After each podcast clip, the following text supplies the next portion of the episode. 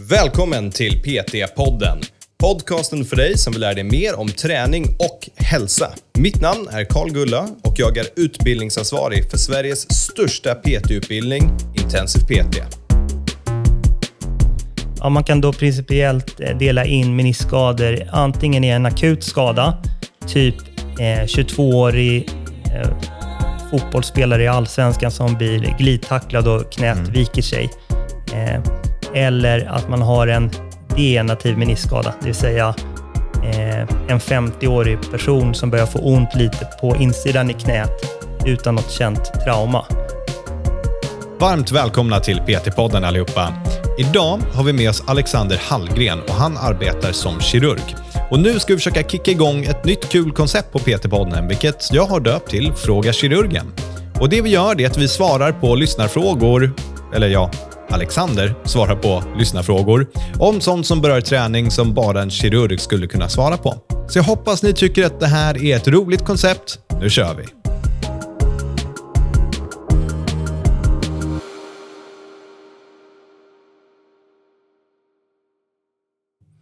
Sätter jag på inspelningen och så säger jag varmt välkommen till PT-podden Alexander. Ja, tack så mycket. Kul att vara här. Jättekul att ha med dig. Det här hoppas jag ska vara början på ett nytt segment. Vilket är, får jag kalla det för Fråga kirurgen? Ja, det kan du göra. Det, ja. det låter bra. Berätta lite om dig själv och vad du gör. Ja, Alexander Hallgren heter jag. Eh, jag är specialistläkare inom ortopedisk kirurgi, mm. vilket innebär att man opererar eh, muskel och skelettskador egentligen, om man ska förenkla det.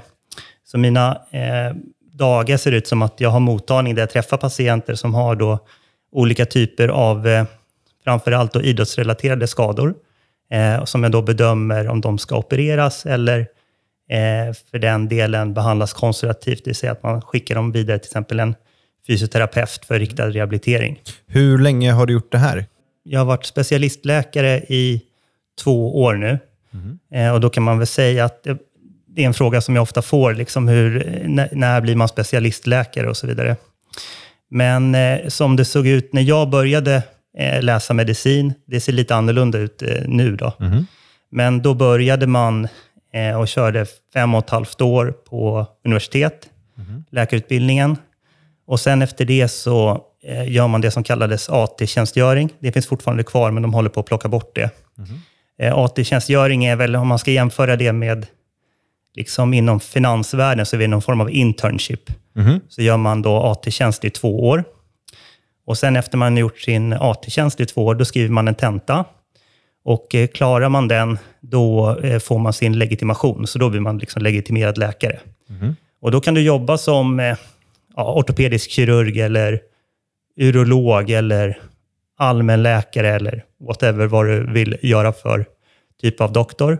Men det är ingen som kommer anställa dig som det, för att du kan ju inte det egentligen. Du har mm. gjort ditt internship bara och har en bra bas att stå på. Mm. Så då gör man en så kallad då specialisttjänstgöring, som typ de flesta doktorer i Sverige gör. Och den är då fem år, där man jobbar bara med den typen av specialitet.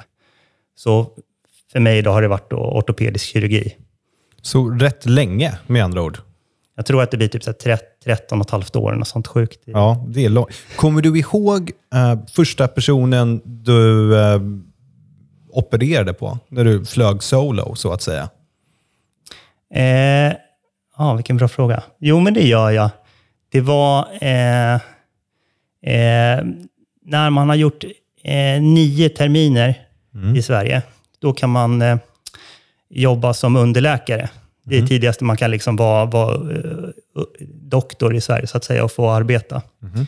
Och då uh, jobbade jag på ett uh, litet sjukhus, på ett landsortssjukhus, och gjorde någon operation själv då, den sommaren, mellan termin 9 och 10. Åh, vad läskigt. Häftigt. Men hur, hur kändes det när du väl fick göra det? Eh, skräckblandad förtjusning. Ja. jag kan tänka mig det. det. Måste man vara lite, lite crazy för att vilja göra det? Det, det är ju ett stort ansvar man tar på sig. Alltså när det kommer till, till kirurgi, om man ska vara, ha en kirurgisk specialitet, mm. eh, som vi pratade lite om här innan, Kalle, att du sa så här, men du skär verkligen upp folk, du gör hål i folk. Ja, det gör man. Men det är ju lite av en risksport. Det, det kommer ju liksom med vissa typer av risker, så att man måste vara väl en viss typ av person eh, om det här valet av specialitet ska eh, vara något som man verkligen vill göra, så att det inte tar koll på en själv. För de enda personerna som inte får några komplikationer är de som inte opererar.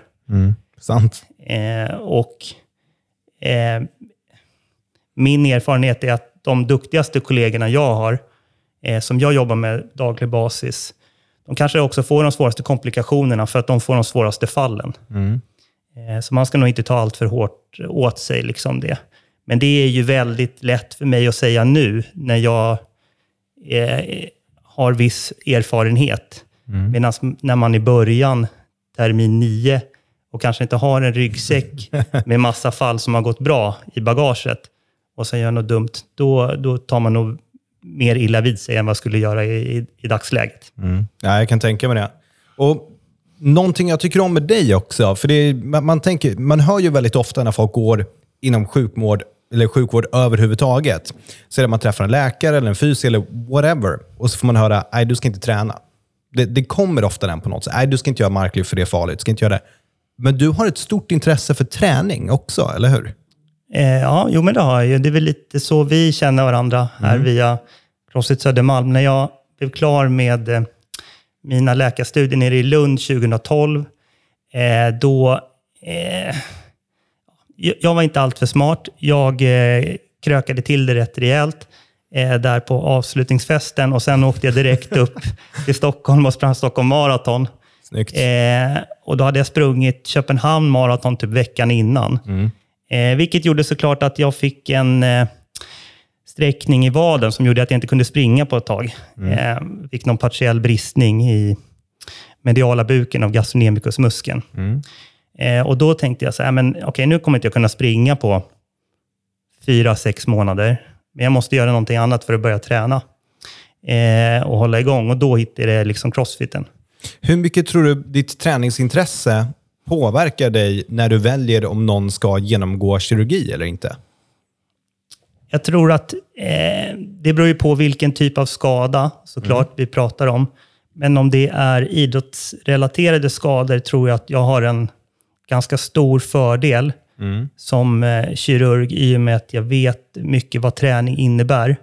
Sen har jag såklart fått lära mig det mer under årens gång, för jag har själv sökt upp den här typen av patienter. Eh, jag har haft, nu senast hade jag ju patienter inför OS som jag haft hand om. Eh, som är ju elitens elit, så att säga. Väldigt Eh, häftigt. Men jag har också haft eh, framförallt då juniorlandslaget i amerikansk fotboll i flera år och haft hand om de kidsen. Liksom. Och det är klart att min bakgrund som att jag själv är fysiskt aktiv och gillar träning och sitter och läser på träningsstudier en del, eh, fast det kanske inte alltid har så mycket med ortopedisk kirurgi att göra i botten, ger det mig såklart en fördel för att förstå vad den här personen vill få ut av, eh, av sin skada och, och rehabilitering, vad man har för målsättning. Ja, och jag tror just det är vad som gör det så intressant nu att få lyssna på dina svar här i just PT-podden, för den är till för personliga tränare och folk som tycker om träning.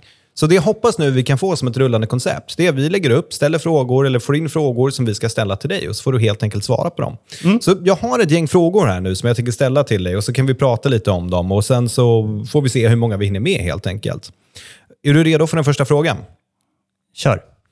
Hur kan man förhindra att knäna gör ont när man springer? Och Det här är då väl lite mer relaterat kanske till fall du har sett. Eller liksom, vad vad är din take på det här egentligen ganska vaga och öppna frågan? Mm. Ja, men, eh, superbra att du eh, har de premisserna på den frågan, för det är just väldigt vagt och det kan vara väldigt mycket. Eh, men det som jag spontant tänker om knät gör ont när du springer. Löpning är vad jag kallar för impactidrott, det vill säga att det är stötande på knäna.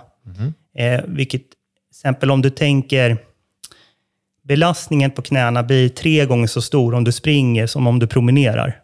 Så om du då väger 100 pannor, då blir det 300 kilo då, på dina stackars arma knän. Ja. Om du tar några löpsteg jämfört med om du liksom promenerar.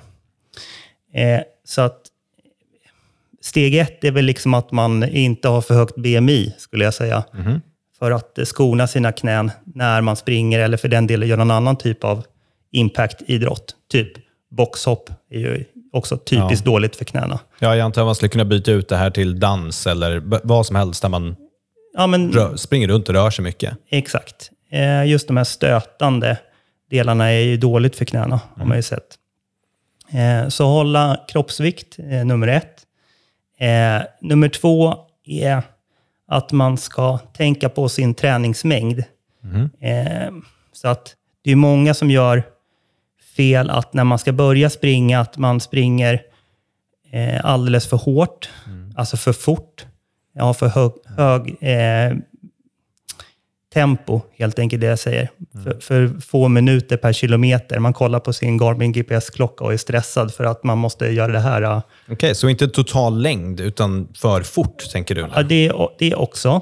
Eh, absolut. Men sen det andra som eh, jag skulle komma till var liksom också total mängd i mil per vecka. Eh, de löpare jag har eh, jobbat med, eh, eh, jag har haft någon landslagslöpare vet, på maratondistans. De springer ju liksom mellan 20 och 25 mil i veckan. Usch. Ja, exakt.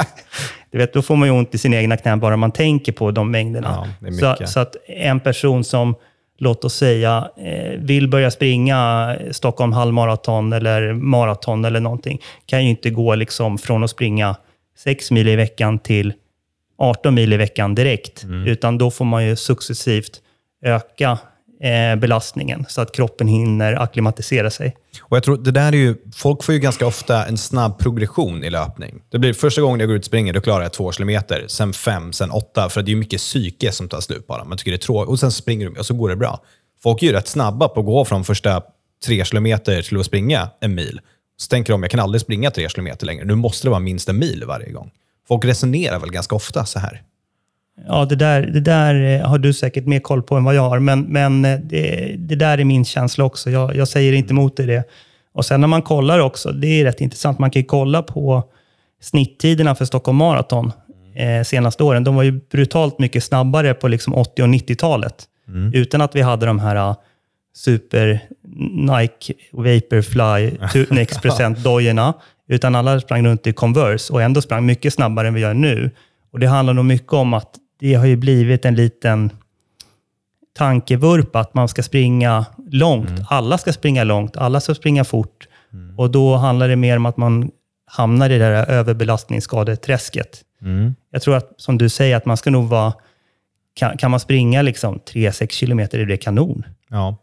Nej, jag behöver, faktiskt med. det behöver inte alltid vara liksom eh, 10, 10 kilometer minst eller 32 kilometer varje söndag långpass. Eh, det, det, ja, det är inte helt... Eh, jag tror att vi går lite i fel riktning där. Men det är min egen personliga Mm. liksom, eh, reflektion. Ja, men jag tror det ligger mycket i det. Så nummer ett, om man får ont i knäna när man springer, se över ditt BMI, se över din totala vikt och sen se också över total träningsmängd. Att du kanske drar ner på det lite grann och testar och ser om det funkar bättre. Ja, att man kör då alternativträning. Till exempel då man cyklar istället, som inte är impact.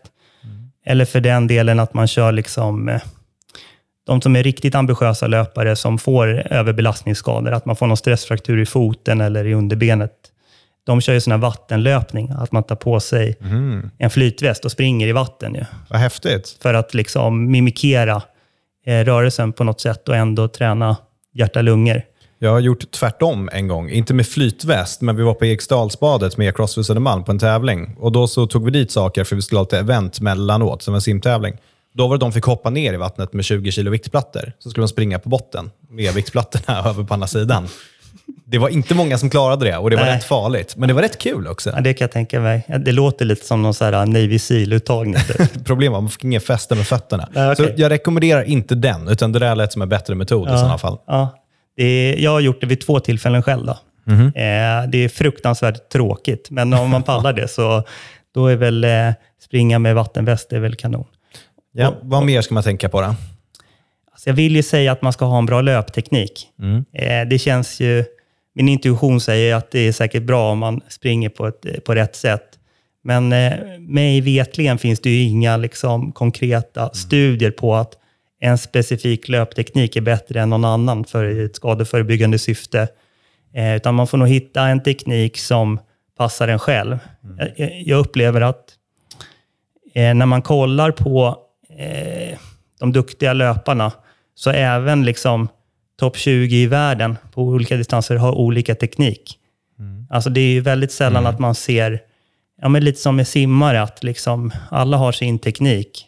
Eh, så att jag tror att det handlar väl om att man hittar någon teknik som är skonsam för sin egen biomekanik i sin egen kropp. Absolut. Men man brukar väl prata om att man ska ha rätt skor när man springer och byta underlag och sånt också. Skulle det vara relevant i en sån här frågeställning? Alltså det, just det här med skor, då, det, det är ju en myt som jag mm. kan debanka här för dig. Oh, snyggt. Eh, det gillar vi. Eh, det finns ju flera analyser på detta, sådana här Cochrane-analyser. Mm. Det är som en sy systematisk översikt av studier, typ mm. att man studerar studier. Och då vet jag att det finns en där det var, man kollade på 12 studier, så 11 000 deltagare. Man följde dem mellan 6 till 26 veckor. Och man såg, in, och man såg att det inte fanns någon som helst eh, samband eller evidens för att ditt val av löparskor påverkar om du drabbas av en skada eller inte. Intressant Så. ändå. För det är ju en väldigt vanlig första go-to. Ja, men testa några andra skor. Ja, precis. Eller liksom, nu ska jag börja springa. Jag går till eh, ja, men de, någon av de här kedjorna där mm. man ska bli filmad på löpband när man mm. springer inomhus med jeans och så säger de att ah, du pronerar jättemycket, du måste ha pronationsstöd. Det kanske är bra, men det, det finns ju liksom ingen eh, medicinsk bevisning i detta. Mm. Eh, sen tror jag eh, att av de studier jag har läst på det här ämnet så verkar det vara så, eh, för jag får den här frågan ganska ofta, ju, mm. att när man går runt och testar skor eh, inne på sportbutiken, så de skor som känns sköna att gå runt och gå med, liksom in, in, inne på Stadium, de kommer också vara bra att springa i. Ja. Och det är väl lite där som eh, det finns någon form av konsensus mm. i. Så att hitta skor som du känner dig bekväm med och du tycker är sköna, då kommer de sannolikt vara bra att springa i också. Men man behöver liksom inte krångla till det. Jag antar att någon inte skulle komma hela vägen till dig med att säga att ah, jag har lite ont i mina knän när jag springer. Det, men om de lyckades göra det på något sätt, utan att ha liksom röntgen och så vidare, skulle du då börja säga, men vet du vad, vi sätter in de här rehabövningarna och gör det här? Eller tänker du direkt bara, men vi, första steget för dig, det borde vara att se över din träningsvolym istället? Ja, men det är helt eh, rätt. Alltså de, de, den typen av patient du beskriver nu kommer kanske initialt till dig mm. eller till eh, naprapat, eh, fysioterapeut, eh, kiropraktor. Typ. Mm. Eh, sen om man inte får ordning på det eller att man drabbas av någon skada som gör att man eh, liksom börjar halta eller det blir mer signifikant påverkan på ens vardag, då mm. kommer man väl till mig. Eh, men eh, jag ställer ju de frågorna som du ställer också, såklart. Eh, med hur ser mängden ut? Eh, vad gör du för typ av träning? Och sådär. Finns det några liksom golden exercises som du tycker de här personerna ska göra i rehab eller prehab-syfte? Eller känner du att det är lite utanför vad du vill svara på? Eh, där får man ju bättre svar eh, av eh, någon eh, som har någon annan yrkeskategori, skulle jag säga. av de sådana yrkeskategorier jag precis nämnde, än vad jag har. Eh, min egen take på eh, knäsmärtor mm.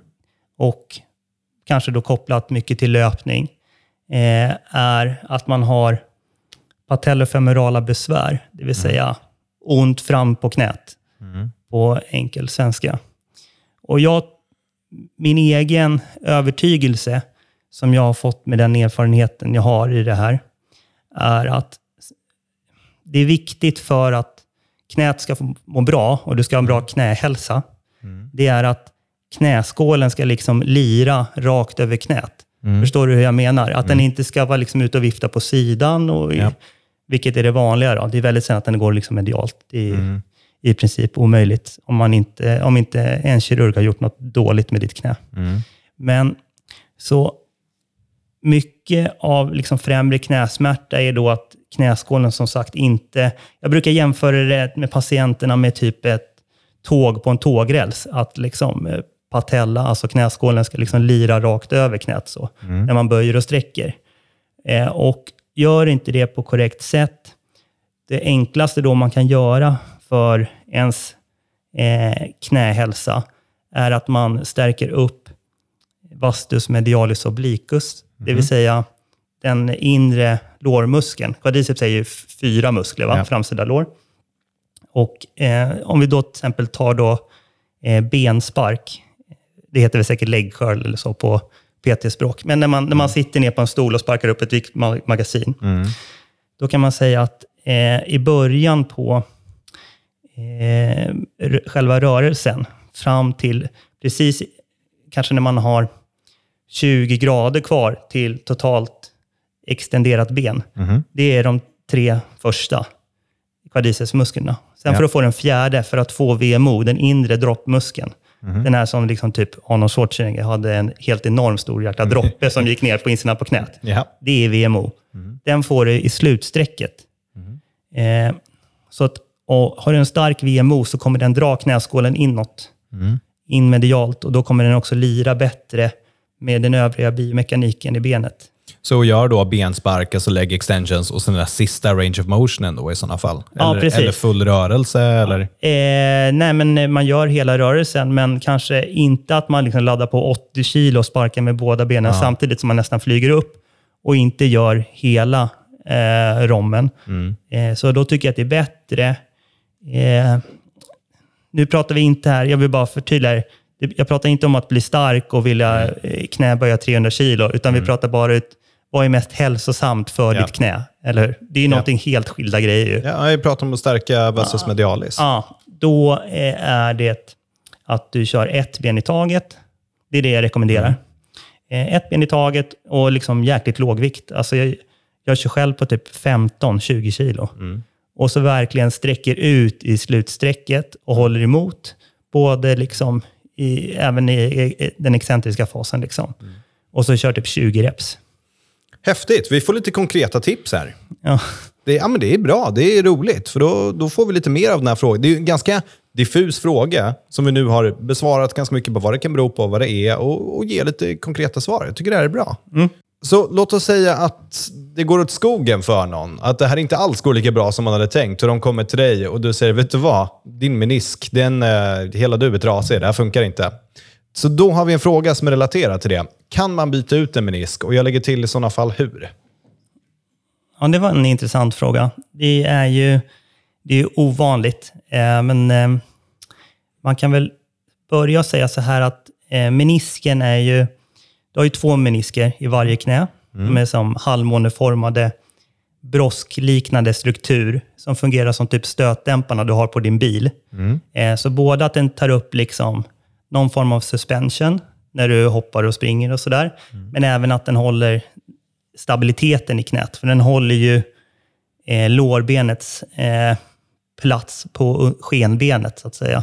Eh, historiskt har man ju provat meniskproteser, eh, men ganska dåliga resultat. Man har ju liksom inte, de har fått dålig overall knähälsa och inte blivit nöjda med den typen av kirurgiska ingrepp. Så nu på senare tid, jag kan inte exakt säga vilket årtal eller sådär, men det börjar bli mer och mer eh, växa fram en tradition att man tar en sena eh, som man använder och gör menisk av, så att säga. Oftast när man opererar eh, eh, främre korsbandsskador, eh, det är ju 8000 i, i Sverige dras ett korsband, främre korsband varje år. Det måste vara den vanligaste knäoperationen, eller? Eh, nej, det, det finns eh, vanligare. Okej. Absolut. Eh, meniskoperationer är den vanligaste knäoperationen. Eh, då är inte det som vi ska prata om nu, det vill säga menisktransplantation, utan eh, partiella meniskresektioner skulle jag säga är det vanligaste eh, knäoperationen man gör världen över. Okej. Eh, Men när man då ska... Man har ju sett i studie efter studie efter studie att eh, får man en främre korsbandsskada så kan man inte... Du kan inte sy, sy det, eh, den skadan, det kommer inte läka. Utan då tar man en sena från någon annanstans i, i kroppen som du liksom använder som ett graft och sen läker det in och så blir det ditt nya främre korsband sen. Eh, och då i Sverige så tar man oftast semitendinosus-senan, det vill säga en sena från baksida lår från hamstring. Och eh, när man tar den till eh, för att göra främre korsbandskirurgi, då tar du ut den senan sen viker man den typ fyrdubbelt, kan man säga.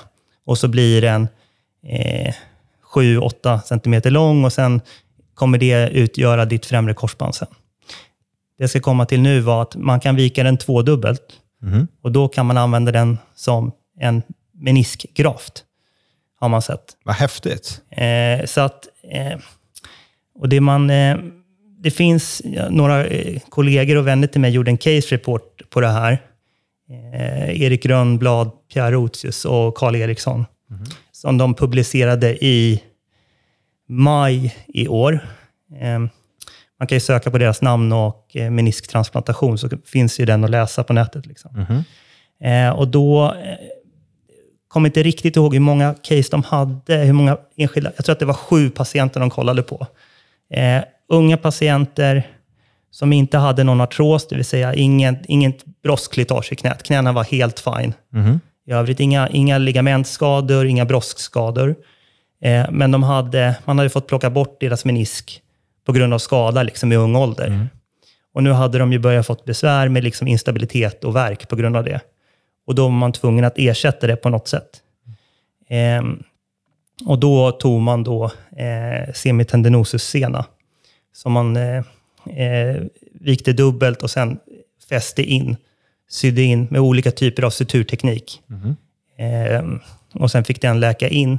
Och då hade vi faktiskt ganska hoppfulla resultat av den studien som visade att de både fick eh, minskad knäsmärta eh, och en ökad livskvalitet. Så det finns väl liksom hopp lite om livet, även om du har fått eh, menisken helt bortopererad så att säga i unga år.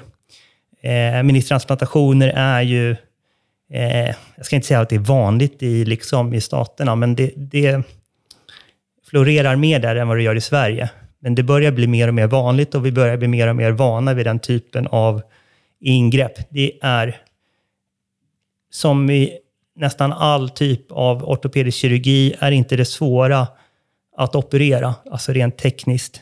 Eh, Även om att göra en menisktransplantation är kirurgiskt tekniskt väldigt svårt, så handlar det nog mer om, som i övriga avseenden, att selektera rätt patient, vem man ska göra det på. Och här hade man varit väldigt noga med de här patienterna, att det fick inte vara för högt BMI, eh, eh, de fick inte ha någon artros. Och man gjorde också lite som eh, vi pratade på föregående fråga, det här med att det är viktigt att knät är rakt. Man gjorde en så kallad HKA-mätning, alltså man mäter vinkeln höft, knä, ankel. Det är som en röntgenundersökning du gör när man, man står upp, för att se att man inte är väldigt hjulbent eller väldigt kobent. För då bedömer man att det inte är en lämplig kandidat för en menisktransplantation. Varför, de patienterna som behöver få menisken bortopererad, vad brukar det bero på? Ska, skada. Skada. Att, att menisken är, den är trasig. Och det är, det akut, eller är det ett akut skada, eller är det slitage, är det att man har varit med i en bilolycka, eller att man är överviktig? Ja, man kan då principiellt eh, dela in meniskskador antingen i en akut skada, typ eh, 22-årig eh, fotbollsspelare i allsvenskan som blir glidtacklad och knät viker sig. Eh, eller att man har en degenerativ meniskskada, det vill säga eh, en 50-årig person som börjar få ont lite på insidan i knät utan något känt trauma. Eh, och det, det beror lite på att menisken, eh, om man ska förenkla det här, så delas menisken upp i en röd och en vit zon. Eh, där röd zon är nära själva knäkapseln, bra blodförsörjning, läker om den blir skadad.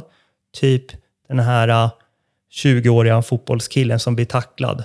Han oftast får då en skada i röd zon, vilket gör att man eh, kan sy tillbaka den så att den läker. Medan de här degenerativa meniskskadorna som är mer åldersrelaterade, eh, som kommer vare sig du vill eller inte eh, med tiden, eh, då får man liksom sprickor och eh, degeneration, alltså förslitningar, eh, i vit zon. Och vit zon på menisken saknar blodförsörjning, så den läker inte. Så då, oftast då väljer man att klippa bort den delen av menisken som skapar besvär. Mm. Eh, det kan vara att det liksom ligger en liten flik av menisken nervikt i knät. Och då brukar patienterna beskriva det som att de har en sten i skon, typ, fast mm. i knät hela tiden, att det skaver och gnäller. Mm. Och då kan man kirurgiskt eh, gå in och klipsa bort den lilla biten. Men det som eh, man gör som, eh, som eh, artroskopist och knäkirurg är att man alltid vill behålla så mycket menisk som möjligt. Mm. För att det ger ju som sagt en stötdämpande effekt. Så att du kan ju inte klippa bort hela menisken. Eh, då kommer du få brakartros. Mm. Eh, och det vet vi för att typ långt innan jag ens började läsa medicin, eh, då tog man bort meniskerna profylaktiskt på fotbollsspelare. Eh, för man tänkte att ja, men de går ändå sönder ändå, de ger en massa besvär. Så då plockade man bort menisker till höger och vänster fotbollsspelarna. Och de var ju supernöjda. Alltså, de vaknade upp efter operationen och bara perfekt, jag har inga låsningar i knät, det känns hur bra som helst. Men i de flesta fall tyvärr fick ju de brakartros. Eh. Mm. Det, det, blev inte så bra till slut helt enkelt. Nej. Det blev kortvariga karriärer sen. Ja, exakt. Så att man ska ju alltid tänka, det blir annorlunda om man har någon som är professionell idrottsman eller kvinna vars levebröd mm. verkligen hänger på eh, knäts funktion, om vi nu pratar knät eller axeln eller för den delen. Då får man göra en eh, riskkalkylering, alltså en cost-benefit-kalkylering, vilken kirurgi man ska göra. Men det är så pass få patienter egentligen. För det mesta så tänker eh, både jag och de flesta andra med mig att man tänker på hur ska det här vara även om 10-15 år? Mm. Ja, men spännande att få höra lite, eller ganska mycket, om menisken där. Då, vi ska avrunda med den sista frågan här. Och Det här är ju otroligt relevant att ställa dig. Har du någon huvudregel för träning med smärta? Ja, det, var en, eh, det är en, eh, också en bra fråga. Eh, det korta svaret där är väl att jag jobbar väldigt sällan med huvudregler, utan det är väldigt individanpassat. Mm. Eh, det är klart att nu hade ju några eh, atleter här inför både sommar och vinter-OS som jag hade hand om och de kommer ju få brutalt annorlunda rekommendationer om mig än jämfört liksom kreti och pleti, mm. om man ska vara så. Det mesta som är skrivet när det kommer till smärta, eh, som också används kliniskt, är ju VAS-skala. Det kan man ha olika åsikter om. Eh, alltså visuell analogskala, mm. typ. Glad gubbe, ledsen gubbe? Ja, eller typ eh, ett är helt okej, okay, tio är att föda barn. Mm. Eh, och då brukar jag säga till motionärer eh, som jag har, eh, att om jag har opererat dem eh, och de frågar hur mycket får jag driva på med rehab, mm. Eh, då brukar jag säga att de inte ska gå över fyra på en sån VAS-skala. Mm. För då är, min erfarenhet att de backar mer i, rehab än vad de kommer framåt. Det blir lite ett steg fram, två steg mm. bak. Och man hamnar i, i liksom fel spiral smärtmässigt. Mm. Och eh, hur tänk, av rent intresse, vart får dina atleter ligga? Då? Det är ju dock i generell träning, men ändå. 6-7 kanske. Ja, så en, en bit hög. Vad tror du, för en, bara här liksom en curveball, för en PT-kund som är en vanlig klient och börjar säga du, jag har haft ont i axeln i en vecka här. Nej, och, och om, om du frågar, ah, okej, okay, men 1 10 och förklarar skalan. Vad, när när skulle du säga att de ska bryta övning eller om det har varit så här i två, tre veckor, gå och uppsöka vård till exempel? Ja, det var en bra fråga. Det beror ju helt på. Jag kan nog inte säga ett generellt svar där.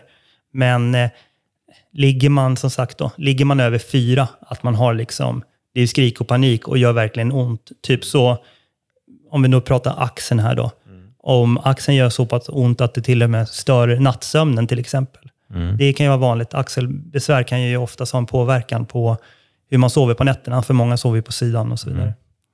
Mm. Eller för den delen, många sitter ju och jobbar om dagarna vid en dator, sitter och ska röra sin eh, datamus och så har man så pass ont i axeln att det inte ens går att jobba.